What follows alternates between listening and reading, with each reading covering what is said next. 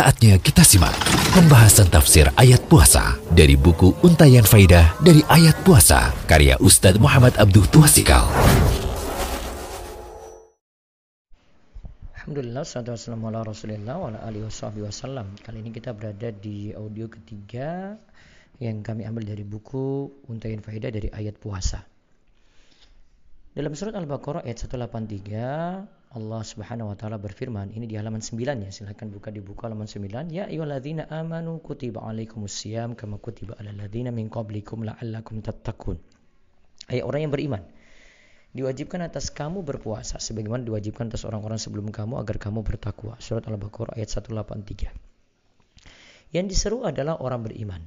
Ayat ini dimulai dengan menyeru orang beriman untuk mengingatkan supaya masang telinga karena akan disebut suatu beban taklif, beban hukum. Karena di sini akan disebut puasa, maka disuruh orang-orang beriman supaya mereka mau mendengarnya. Kemudian para ulama katakan surat ini adalah surat Madaniyah, yaitu surat setelah Nabi SAW berhijrah. Hukumnya dimasukkan dalam ayat ditujukan pada orang mukmin secara khusus.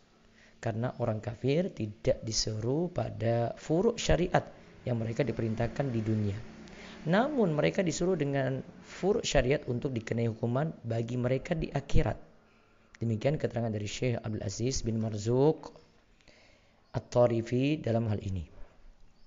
Nah dari sini juga kita simpulkan dari ayat ini hukum puasa dan pengertian puasa. Kutiba alaikum dalam ayat di atas menunjukkan akan wajibnya puasa Ramadan.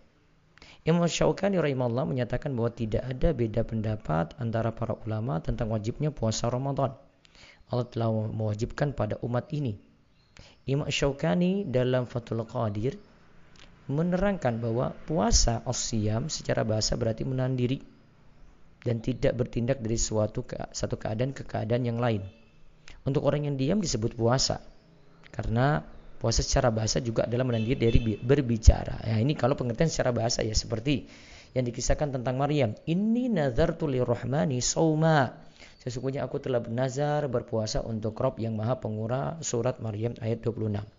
Yang dimaksud berpuasa yang dilakukan oleh Maryam adalah menahan diri dari berbicara sebagaimana disebutkan dalam lanjutan ayat falan ukallimal yauma insiya maka aku tidak akan berbicara dengan seorang manusia pun pada hari ini surat Maryam ayat 26 Sedangkan secara istilah, asyam atau puasa adalah menanti dari berbagai pembatal puasa, mulai dari terbit fajar subuh hingga tenggelamnya matahari. Semoga bahasan tentang seruan iman ini untuk berpuasa dan pengertian puasa ini mudah dipahami dan Allah beri taufik dan hidayah untuk kita menjalani puasa dengan benar. Allah yubarik fiqh.